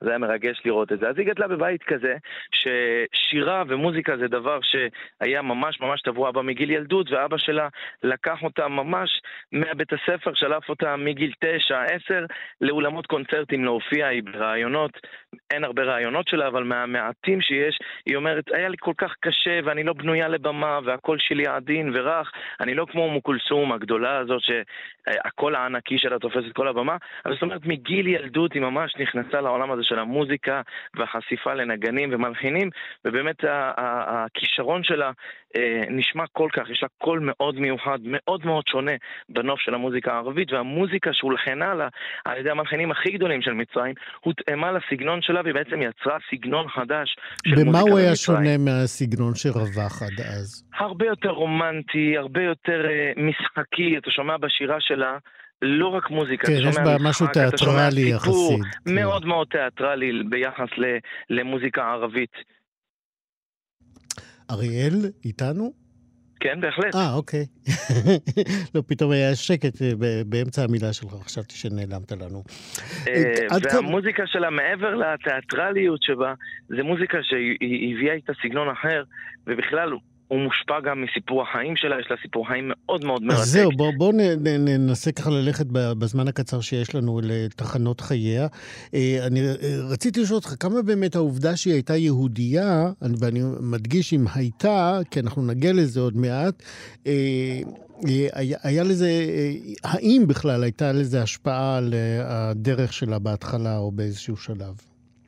תראה, באותם השנים שהיא פרצה, זה עוד לפני, זה טרום הקמת מדינת ישראל, לא הייתה משמעות למושג יהודי במצרים. כמו שהיו שם נוצרים ומוסלמים, אז היה גם יהודים, והיהודים פעלו המון בשדה עולם התרבות, זה רקדניות, זה במאים, זה שחקנים, רקיה אברהים הזמרת, טוגו מזרחי הבמאי, אחד הבמאים המובילים במצרים של סרטי הקולנוע, היה יהודי. אז uh, זה לא משהו שהשפיע, אוקיי, ידעו שהיא יהודייה, אבל זה לא משהו שגרם להרגשה כזו או אחרת. כן. ואני אומר, הייתה יהודייה משום שבאיזשהו שלב היא המירה את דתה והתאסלמה, נכון? כן, בעצם עם חתונתה, עם השחקן אנואר וג'די, שהוא לימים יהיה במאי של חלק גדול מאוד מסרטיה הגדולים, אה, בעקבותיו אה, היא התחילה תהליך של התאסלמות, יש כל כך הרבה סיפורים ואגדות נכונים יותר ונכונים פחות סביב הדבר הזה, עד כמה אל-אחואן אל-מוסלמין היו מעורבים בתהליך הזה, לא המוסלמים, כן. כן. אה, מה, מה באמת, תן לנו, חלק, תן. לנו חלק מהסיפורים שהם אה, שקר ואמת. אז זהו, עד היום אה, תלוי את מי אתה שואל, מי משפחתה. אם אנחנו נשאל את ילדיה, mm-hmm. אז הם יגידו שהיא מתה ב- בתור מוסלמית אדוקה, וממש לפני שהיא נפטרה גם אמרה פסוקי קוראן. זה מה שהם משדרים, לדעתי האישית, גם אם זה נכון וגם אם זה לא נכון, זה מה שהם צריכים לשדר לטלוויזיה המצרית. אין להם דרך אחרת. כדי שהזיכרון של אימא שלה יישאר חרוט בתרבות המצרית. גם שהזיכרון וגם שהיחס אליהם לא כן. ישתנה. כן. Uh, לעומת זאת, אם אתה שואל את בני משפחתה, uh, שבעצם גלו ממצרים... שהם לא ילדיה. בעקבות, שהם לא ילדיה, הילדים של, של, של אחות שלה ושל אחים שלה, אז שהם עברו לניו יורק בעצם עם הקמת מדינת ישראל והתחושה הפחות נעימה שהייתה במצרים כלפי יהודים, אז הם עברו לניו יורק והם מספרים סיפור אחר, הם אומרים שלמרות ההתאסלמות, זה היה התאסלמות רק לבחוץ, היא תמיד נשארה יהודייה בנשמתה, בערב כיפור היא הייתה הולכת לבית הכנסת הרמב"ם ומתפללת שמה ממש עד השנים האחרונות. כדי שלא יראו אותה. כל כך הרבה סיפורים ואגדות. הדבר הכי בטוח זה שהיא הייתה אחת הזמרות הגדולות שקמו בעולם הערבי בכלל, ועד היום אתה יכול לשמוע מוזיקה, השיר ששמת את דוניה רינואה מתוך הסרט רזיל בנת משנת 49, זה אחד הלעיתים הכי גדולים שלה. אני עושה אה, סדרת קונצרטים שמוקדשת ללחניו של עבד אל-והאב אצלנו בפרחת תנור, mm-hmm. שהיא עכשיו בימים הללו, והשיר הזה מככב שם, והקהל פשוט נהנה מכל רגע. השירים שלה עדיין עדיין מככבים בעולם הערבי. אני מבטיח לך שאנחנו נשמע את השיר הזה במלואו, אני רק רוצה עוד לשאול אותך, אה, איך באמת דבק בכינוי הזה, הגיטרה של אה, המוזיקה הערבית? הרי גיטרה זה לא כלי שמתחבר מיידית למוזיקה ערבית. בדיוק בגלל זה, מפני שהגיטרה הוא הדבר שהכי לא משקף מוזיקה ערבית. מוזיקה ערבית זה עוד, זה חנון, נכון. זה נאי. הדבר כן. האחרון שהייתי אה, משתמש בו כדי לדמות מוזיקה ערבית זה גיטרה, וזה היה בכוונה הכינוי שלה כדי להראות שיש פה משהו חדש, משהו שלא היה לפניו. ואיזה שילוב של עדינות ורומנטיות בשירה עם טראב ערבי, באמת אה, משהו שלא היה לפני. יפה, אריאל כהן על uh, חייה ומותה והיצירה הגדולה של השאירה אחריה הזמרת לילה מורד, uh, שנולדה בעצם כליליאן מרדכי באלכסנדריה שבמצרים, והייתה באמת לאחת הזמרות ושחקניות הקולנוע הגדולות אה, במצרים ובעולם הערבי. אריאל כהן, אנחנו ניפרד עם השיר. תגיד אתה עוד הפעם את השם של השיר בערבית. דוניה רינואה, למרות הכל, העולם הזה כל כך מתוק. יפה. לילה מורד, אריאל כהן, תודה רבה מאוד על השיחה הזאת. תודה, ביי ביי. להתראות. לילה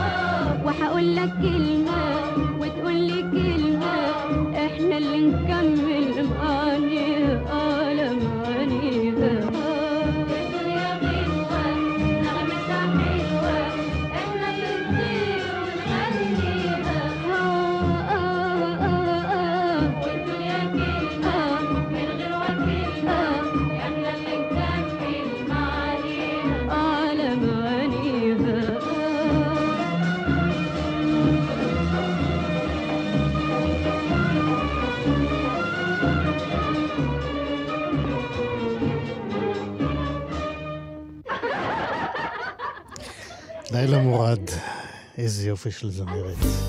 שישי מחדש, מועדון 70 פלוס. האורחת הבאה שלנו היא בעצם אה, קולגה, וגם אחת הדמויות שהקול שלה ליווה את אה, ילדותם של דורות רבים שגדלו על משדרי הילדים, הנוער, ולא רק נוער, גם מבוגרים של כל ישראל. אה, אתם זוכרים למשל את לבת ולבן ולכל המתעניין.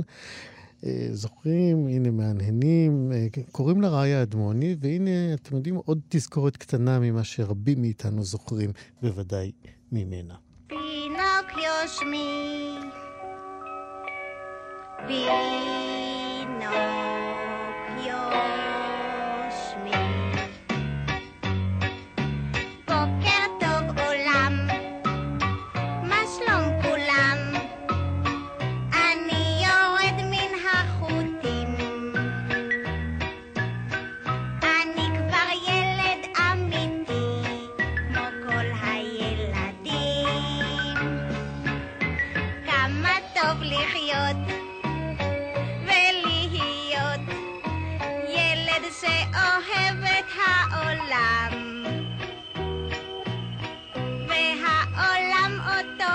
cave, Mikol Halev.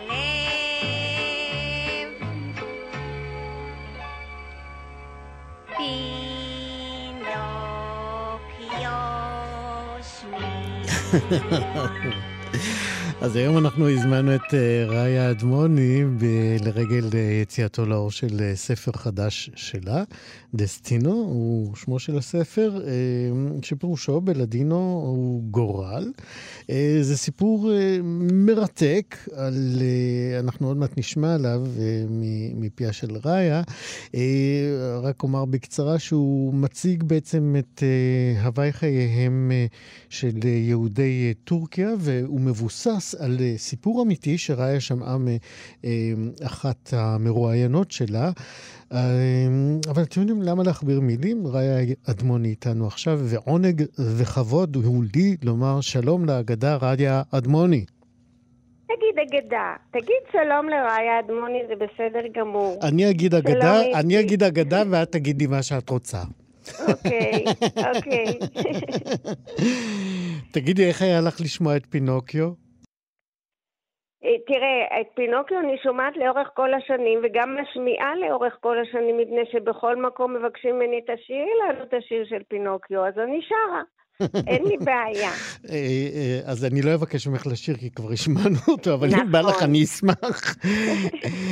תגידי, ספרי לנו באמת על דסטינו, על, על, על הספר. קודם כל על, על הנסיבות שהביאו לכתיבתו, כי הן לא פחות מעניינות מהספר עצמו. אז אני אגיד לך, אני ברדיו ערכתי מאות על מאות של ראיונות. זאת אומרת, תוכנית שלמה של שעה עם בן אדם אחד, ושמעתי מפי אנשים את תולדות החיים של הוריהם, המשפחה שלהם ושלהם כשהם היו ילדים קטנים.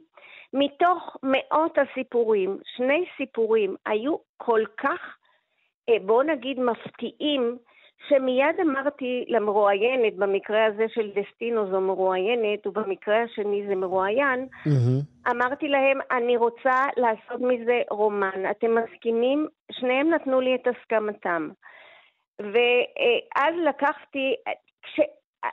לפעמים המציאות, הבן אדם לא יכול להמציא דברים כל כך מפתיעים, כמו שקורים באמת בחיים. זה, זה תמיד אומרים שהמציאות עולה על כל דמיון, אבל במקרה הזה של הסיפור של, קוראים לה ורדה לוי למרואיינת, והיא מנווה ימין, והסיפור היה כל כך מפתיע, שאמרתי לה, ורדה, אני עושה מזה ספר, אם יפריע לך שאני אשתמש בשמות המקוריים, אני אשנה את השמות. היא אמרה, לא, לא מפריע לי כלל. ואני השתמשתי בשמות המקוריים, אבל כשכותבים רומן, הבן אדם אה, מוסיף כיד הדמיון הטובה עליו גם אה, אנשים, גם דמויות, גם אה, התרחשויות, מפני שכל זה קרה לפני יותר מ-100 שנה, 150 שנה. כך שאני אה, לא יכולה לדעת, חוץ ממה שחקרתי ובדקתי, גם אין לי שורשים בטורקיה. ושפת הלדינו לא הייתה ידועה לי קודם שכתבתי את הספר. אבל עם הכתיבה, כשבן אדם כותב ספר זה לוקח לו שנים. במשך הזמן הזה נקשרים אל הגיבורים, הם נעשים בני משפחה. יש התרגשות בכתיבה, רגשות, הולכים איתם, רוצים להעביר את ההתרגשות הזאת גם לקוראים, להפתיע אותם, לגרום להם לרצות לא להניח את הספר הזה מן היד. אז זה מה שאני השתדלתי לעשות גם ברומן הזה. כל הזמן קורים דברים מההתחלה ועד הסוף. למשל, אוהב שנאלץ להיפרד מאהובתו, אם שמוסרת את חייה כדי שבתה תחיה, בן שיושבים עליו שבעה כי חושבים שהוא טבע בים, מה לא קורה בספר הזה באופן שבאמת שרק הגורל יכול לעשות דברים כאלה, אני לא יודעת. קחי אותנו בכל זאת לסיפור כזה שלם אה, מההתחלה עד הסוף, אה, כמו שהוא מופיע בספר, כדי שנקבל עוד טעימה מהדרמות אוקיי, הקטנות אוקיי, האלה שציירת עכשיו, וכל אחת היא עולם ומלואו, כן. אני אתן לך. בתחילת הספר אנחנו פוגשים ילדה ילדה בת חמש שהתייתמה מאימה שנתיים קודם, אמרתי שאם מוסרת את חייה בשביל בתה. אימא שלה סעדה אותה, אז היו מחלות שלא היה להן מרפא, לא הייתה אנטיביוטיקה, לא היה כלום. אימא שלה סעדה אותה במחלתה ונדבקה ממנה ונפטרה מן המחלה. הילדה נשארה יתומה. הילדה נשלחה לבית אומנה כי אביה לא היה יכול לגדל אותה לבדו. היא נשלחה לאי סמוך לאיסטנבול, ביוקודה, ביוקודה. והיא שמה, היא משחקת עם הילדים של משפחת האומנה, ומטיילת ברחוב שבו הם גרים, והכדור שלה מתגלגל לאיזו חצר, ויוצאת אישה שמחזירה לה את הכדור, ומוסיפה שוקולד וסוכריות, ואומרת לה, כל פעם שאת רוצה לקבל סוכריה, תבואי עם הכדור, אני אתן לך. והאישה הזאת מתחבבת על ידי הילדה, ואז היא מודיעה לאבא שלה, אבא, מצאתי אימא חדשה, אתה תתחתן איתה וזהו. והאב אומר, מה, את ילדה בת חמש, שדכנית? אבל אה, מה שמתברר, שהאישה הזאת אה, הייתה אהובתו של האב לפני שהוא נשא את אם הבת. אני לא מאמין. כן, והוא לא, לא ידע שהיא שם, וכשהוא אה, נאלץ להיפרד ממנה לשברון לב שניהם, מפני שהמשפחה שלו הייתה ממעמד גבוה והיא הייתה ממעמד נמוך, והם לא הסכימו בשום פנים ואופן שהבן שלהם יתחתן איתה. לא יאמן. ואז אה, יש אה, ככה התלבטות, האם הוא בכל זאת יישא אותה, כשהאם, לפני שהאם נפטרת, אז היא אומרת לו, אתה חייב להתחתן מחדש, כי הילדה לא יכולה להישאר בלי אימא, אבל בשום אופן אל תתחתן עם ההיא. וואו. מה קורה אה, בסיפור? אה, זה תצטרכו לקרוא. אז תני לנו עוד אחד בלי הסוף שלו. אם אני אתן לכם את הגל בלי הסוף, אתם, אתם לא תוכלו להישאר ערים בלילה. לא יאמן, ממש אה, סיפור באמת אה, מדהים. אה, ספרי לנו באמת עוד קצת על הנסיבות של הכתיבה. כמה באמת הגיבורים, אלה שנתנו לך את הסיפורים, אהבו את התוצאה? תראה, אני, אני מאמינה שעשיתי את מלאכתי נאמנה. אני, השתד... אני לא פגעתי באף לא אחד מבני המשפחה. אני אה, גם לא ידעתי עליהם דברים רעים, אז לא היה מה לכתוב דברים רעים. והשתדלתי מאוד מאוד שהסוף יהיה גם טוב וגם מרגש. והסוף הוא בארץ, עולים ארצה. אז מה יכול להיות יותר טוב מזה? נכון, מה יכול להיות יותר טוב מאשר אה, לתת לגורל אה, לעשות את מה שהוא יודע נכון, לעשות הכי את, טוב? אני אוסיף עוד משהו אחד. חשבתי לעצמי, איך, איך הספר הזה יכול להתקשר לפורים דווקא. אוקיי. וחש, וחשבתי שהסיפור גם של מגילת אסתר, כל הזמן מרגש, קורים דברים, אה, אה, עומדים בפני משברים איומים, ובסוף יש סוף טוב. אז גם בספר זה כך.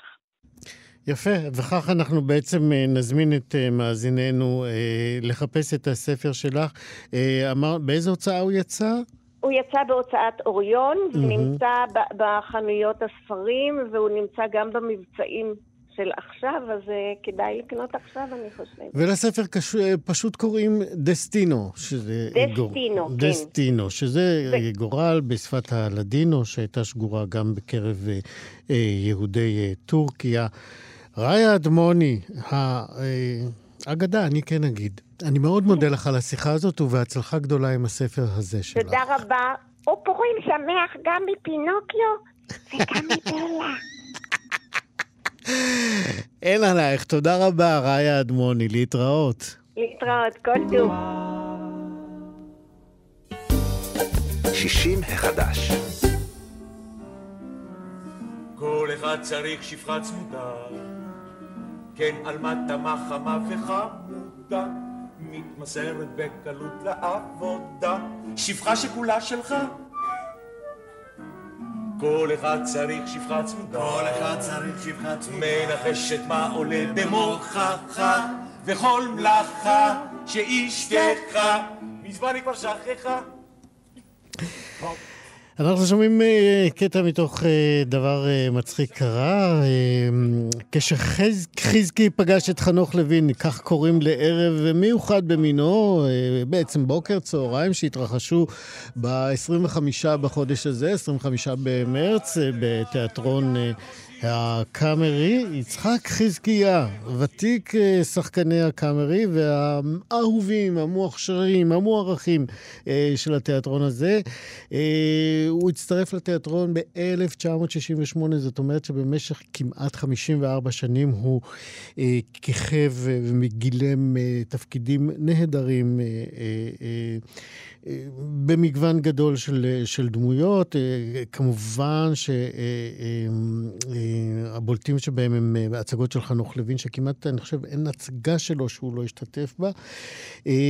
את הערב הזה ינחה דודו ניב, ואנחנו, כיף לנו לומר עכשיו שלום ליצחק חזקיה. שלום רב. מה שלומך? וואו, זה היה רשמי השלום רב הזה. כן, לא, לא התכוונתי. אנחנו ביום הולדת, אנחנו לא... כן, אנחנו, נכון. אנחנו מורידים את השלום אה, רב. אה, כן, אוי ואבוי, אוי ואבוי, יכול לדחות את זה. זה היה בסדר גמור. תגיד, אה, מה, מה, מה הולך להיות שם? אני, אני רוצה רק להגיד מי, מי הולך להשתתף בערב הנהדר הזה לכבודך, ואתה תגיד, זה גבי אמרני ואלברט כהן וחני נחמיאס ורמי ברוך ואודיה קורן ונדב אסולין ואוהד בן נביא ונטע גרטי וכנרת לימוני ושמעון נמרן ו... תשמע, אין לי אוויר, יש כאן עוד רשימה ענקית. אה, איך נערכים לאירוע כזה? זה שאל את אבי גז. אני... מה אתה הולך לעשות בצהריים האלה? אה, אני יושב בשורה הראשונה וצופה בעניין, ובסוף, בסוף, בסוף, בסוף אני אעשה איזה משהו, שזה הפתעה תהיה. וואלה, ולא תגלה לנו את ההפתעה עכשיו. אה, יש מערכון של חנוך בשם, אה, בשם כובע שהופך לסל. אוקיי. או, או בסוגריים בלו, כחול. זהו. זה הרמז, בסדר גמור. נדב אסולין ואני. מעולה. תגיד, אתה יכול לזכור את התפקיד הראשון שעשית בקאמרי? הראשון, הראשון, הראשון, הראשון? כן. זה, זה, זה כמו, אה, אני לא יודע, זה משהו שלא שוכחים, נכון? נכון, ועוד איך, אני לא נשכח. אה, קראו לו רודולפו במחזה נהדר של פירנדלו בשם אה, אנריקו קוואטרו, הנרי הרביעי. זה תפקיד שאתה חזרת לגלם אה, במעלה השנים שוב? לא. לא. פעם אחת וזהו. טוב, כן. ראו שהוא יהיה. תגיד, אה, אתה יודע, תמיד שואלים אה, מה התפקיד הכי גדול שעשית, שהכי אהבת להיות בו, ומה התפקיד שעוד לא עשית. אז אני, אני גם אשאל אותך את השאלה הזאת. טוב, היו כמה, היו כמה תפקידים שאני מאוד מאוד מאוד אהבתי, ביניהם אה, המלך ליר, mm-hmm. סליירי, באמדאוס, מנהל הבית של פינטר, mm-hmm. ועכשיו אני עושה מחזה של פינטר בשם נוף, בתיאטרון ש... של אבי עוז, אלפא. בדיוק. כן. בדיוק. יפה. אה, אבל, והתפקיד שאתה חולם עדיין לעשות? תפקיד שאני חולם? לא, נגמרו לי חלומות. נגמר... אתה רק התחלת לחיות, איך נגמרו לך החלומות? זהו, כן, אבל אה, תראה, אני אגיד לך את האמת, מעולם לא היו לי חלומות באופן מיוחד. לא היה לי איזשהו חלום לתפקיד שאני מאוד הייתי רוצה לעשות. מה, ש... מה שהציעו לי עשיתי. ותמיד הציעו לך, אתה אומר. ותמיד הציעו לי, והתפקידים היו מעניינים, ו, ולא יכולתי לסרב. אם בכל זאת אה, אני יכול לקחת אותך לאירועים אה, שהיית מסמן אותם כתחנות אה, דרך, שהם ציוני דרך חשובים בקריירה שלך, לאן היית לוקח אותי?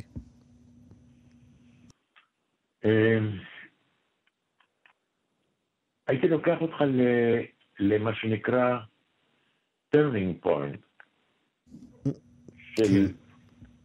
אה, אתה יודע, זה מין פתאום הבנה, הבנה מסוימת, שמרגע זה ככה אני אשחק. זאת אומרת, למדתי דברים מסוימים בהצגות מסוימות. ושאני קורא להם אה, מהפך, או לא... אה, נקודות מה, מפנה, מה, נקודות מפנה. נקודות מפנה, כן. בדיוק. איפה זה קרה לך? אה, נקודת מפנה ראשונה זה קרה לי בהצגה של עומרי ניצן בשם אה, נשות ווינזור העליזות. למה דווקא שם? למה דווקא שם? מה היה שם ש... אה, אני פתאום הרגשתי נורא נורא חופשי על הבמה. משהו מיוחד, משהו שפתאום הייתה לי הרגשה של שליטה. זה כאילו משהו בך כשחקן הבשיל ופרץ פתאום אה, אחרי כל כך הרבה זמן שבו הרגשת עצור או לא ממש חופשי ומשוחרר בתפקידים שעשית? כן, כן. Mm-hmm. משהו כזה.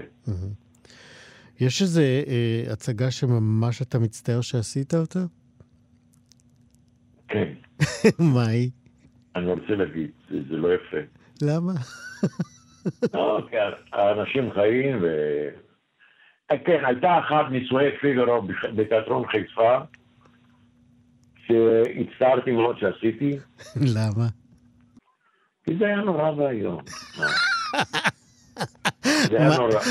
מה היה נורא ואיום? התפקיד שלך או הכל מסביב? לא, הכל. התפקיד שלי דווקא נחמד, פיגרו, אבל זה... אני גם כן בטח חרבנתי את התפקיד, אבל הכל היה נורא ואיום. נורא ואיום. זה אחת ההצגות הגרועות שהשתתפתי בהן, אם לא הגרועה ביותר. אוקיי, אני מבטיח לא להזמין אותך לשחק את פיגרו עוד. כן. אמ, לא, זה גם מחזה לא כל כך טוב. זה... בזמנו הוא עשה מהפכה, המחזה הזה. בזמנו היה באמת אה, ממש מחזה מהפכני לגמרי, זה עוד לפני המהפכה הצרפתית. הוא כאילו בישר את המהפכה הצרפתית. כן. יצחק חזקיה, אחד השחקנים הנהדרים הנפלאים שקמו לנו, חוגג 80. מתי בדיוק היום הולדת?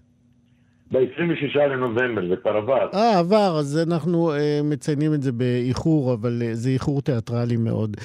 אנחנו מאחלים לך המון בריאות ועוד המון תפקידים, ושיהיה לך כיף באירוע הזה שמזמנים אה, אה, לך אה, ב-25 בחודש בתיאטרון הקאמרי. יצחק חזקיה, תודה רבה ועד 120. תודה רבה לך, תודה. להתראות. להתראות, כל טוב. 60 החדש.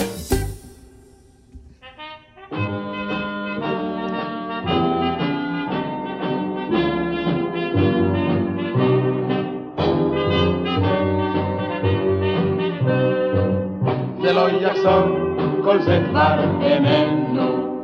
רק זיכרונות, רק זיכרונות, כאן מהלכים על בהונות, הזמן נרדם על נעל בעירנו. עבר זמנה של תל אביב הקטנטנה. הרוח נושב, ואנו נשב, נשב על ספסל בטיילת. שרפים ויונים בתים לבנים, העיר זיכרונות מערבלת. קולות נוצצים, שדרות בלי עצים, ירח מעל הרצליה. גמל וחליל, ברד בשני מיל, דבר מה את הלב פה מניע. זה לא יחזור, כל זה כבר איננו. זיכרונות, רק זיכרונות, גם מהלכים על בהונות, הזמן נרדם על נעל בעירנו. עבר זמנה של תל אביב הקטנטנה.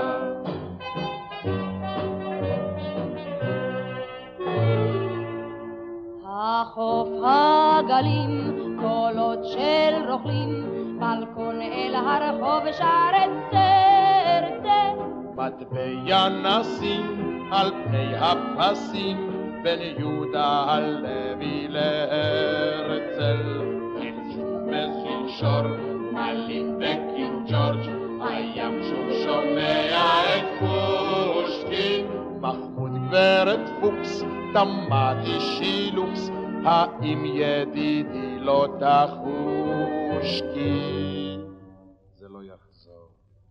לא כל זה כבר איננו, רק זיכרונות זיכרונות, רק זיכרונות, גם מהלכים על והונות, הזמן נרדם על נהל בעירנו. עבר זמנה של תל אביב הקטנטנה, זה לא יחזור, כל זה כבר איננו. רק זיכרונות, רק זיכרונות, גם מהלכים על והונות, הזמן נרדם על נהל בעירנו. עבר זמנה של תל אביב הקטנטנה.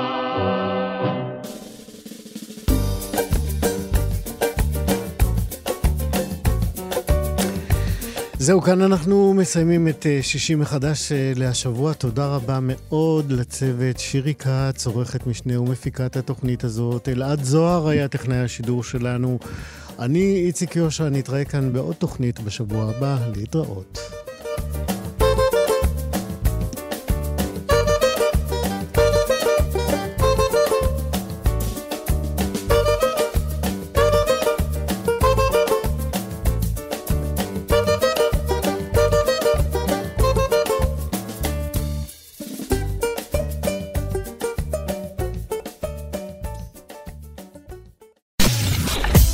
אתן מאזינות ואתם מאזינים לכאן הסכתים. כאן הסכתים, הפודקאסטים של תאגיד השידור הישראלי.